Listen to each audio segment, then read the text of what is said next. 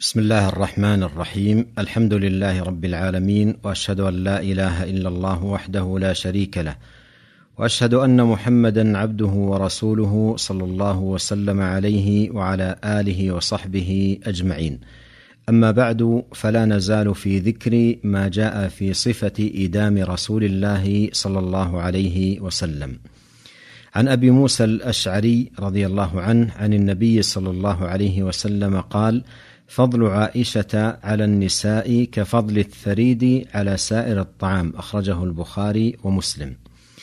وعن أنس بن مالك رضي الله عنه قال قال رسول الله صلى الله عليه وسلم فضل عائشة على النساء كفضل الثريد على سائر الطعام أخرجه البخاري ومسلم. في هذا الحديث فضل أم المؤمنين عائشة رضي الله عنها على سائر النساء. الصحابية الجليلة زوج النبي صلى الله عليه وسلم. والثريد هو الخبز يفت ويوضع عليه الإدام من مرق اللحم ونحوه فيصبح لينا وقد يكون معه لحم وقد يكون خاليا منه. وقيل إنما فضل الثريد على الطعام لما فيه من تيسير المؤونة وسهولة الإساغة. وعن أبي هريرة رضي الله عنه أنه رأى رسول الله صلى الله عليه وسلم توضأ من أكل ثور أقط ثم رآه أكل من كتف شاة ثم صلى ولم يتوضأ. أخرجه أحمد في المسند.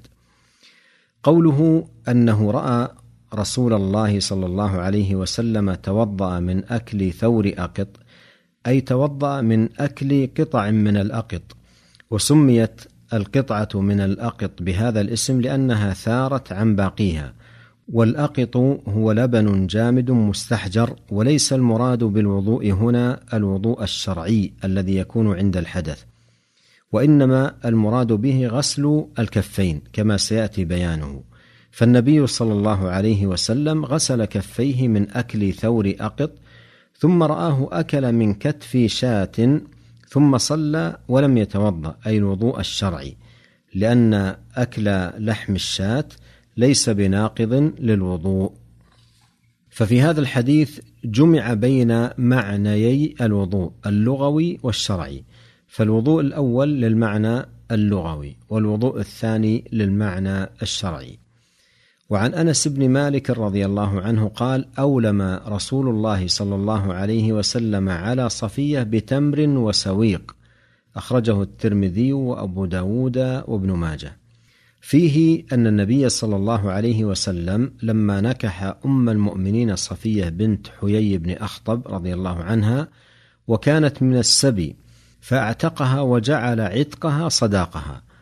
أولم عليها بتمر وسويق. وهو ما يصنع من دقيق الحنطة والشعير. وجاء في صحيح البخاري أنه صلى الله عليه وسلم أولم عليها بحيس وهو الطعام المتخذ من التمر والسمن ومعهما الأقط أو الدقيق. وعن جابر بن عبد الله رضي الله عنهما قال أتانا النبي صلى الله عليه وسلم في منزلنا فذبحنا له شاة.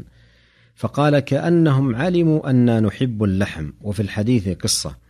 في هذا الحديث بيان لحب النبي صلى الله عليه وسلم اللحم. وفيه أيضا لطفه وحسن معاشرته لأصحابه ومن يضيفه وإدخاله السرور على المضيف بذكر مثل هذه الكلمات التي تؤنسه وتفرحه. والحديث له قصة. رواها الإمام أحمد وغيره عن جابر رضي الله عنه قال أتيت النبي صلى الله عليه وسلم أستعينه في دين كان على أبي. قال آتيكم. قال فرجعت فقلت للمرأة لا تكلمي رسول الله صلى الله عليه وسلم ولا تساليه قالت فأتانا فذبحنا له داجنا كان لنا. فقال يا جابر كأنكم عرفتم حبنا اللحم. قال فلما خرج قالت له المرأة صل علي وعلى زوجي أو صل علينا. قال فقال اللهم صل عليهم. قال فقلت لها أليس قد نهيتك؟ قالت ترى رسول الله صلى الله عليه وسلم كان يدخل علينا ولا يدعو لنا.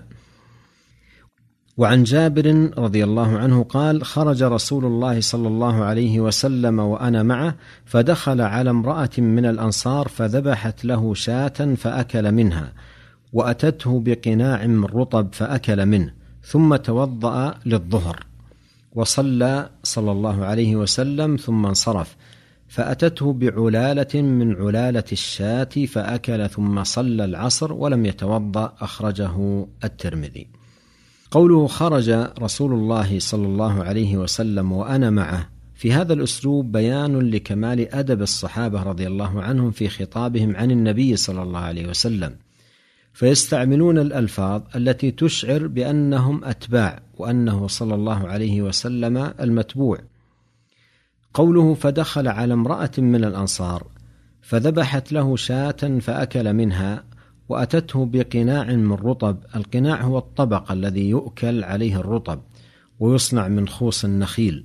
فقدمت له الشاة اولا فأكل صلى الله عليه وسلم منها ثم قدمت له الرطب فأكل منه ثم توضأ للظهر وصلى.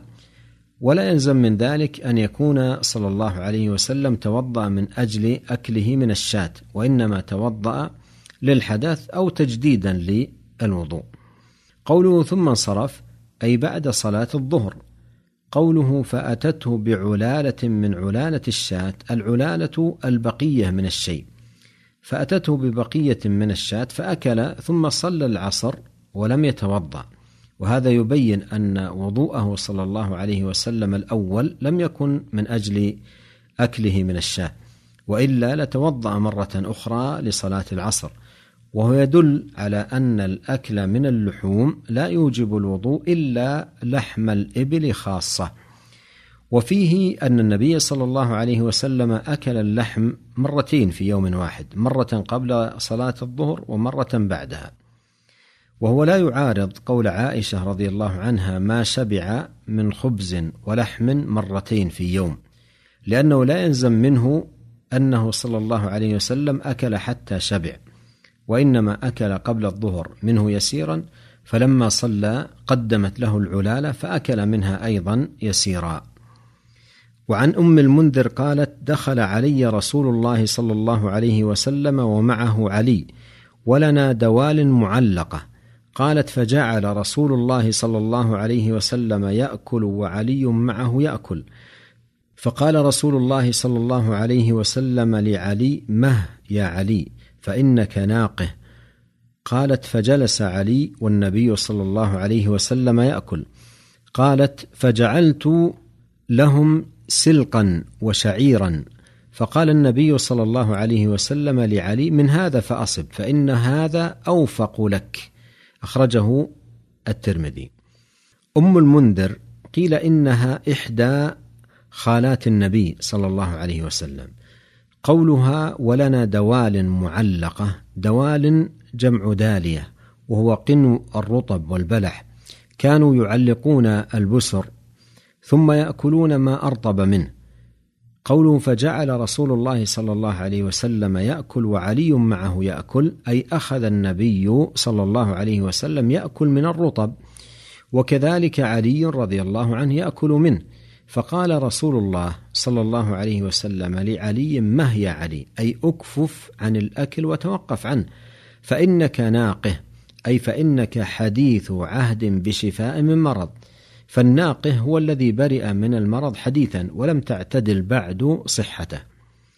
قوله فجلس علي والنبي صلى الله عليه وسلم يأكل. قالت فجعلت لهم سلقا وشعيرا. السلق نبات معروف يشبه نوعا ما الجرجير يؤكل غالبا مطبوخا. فطبخت رضي الله عنها الشعير مع السلق وقد ذكر أهل العلم أن الشعير إذا طبخ بالسلق فإنه نافع جدا للمريض ولا سيما في فترة النقاهة وبدء اعتدال الصحة. فقال النبي صلى الله عليه وسلم لعلي من هذا فأصب فإن هذا أوفق لك.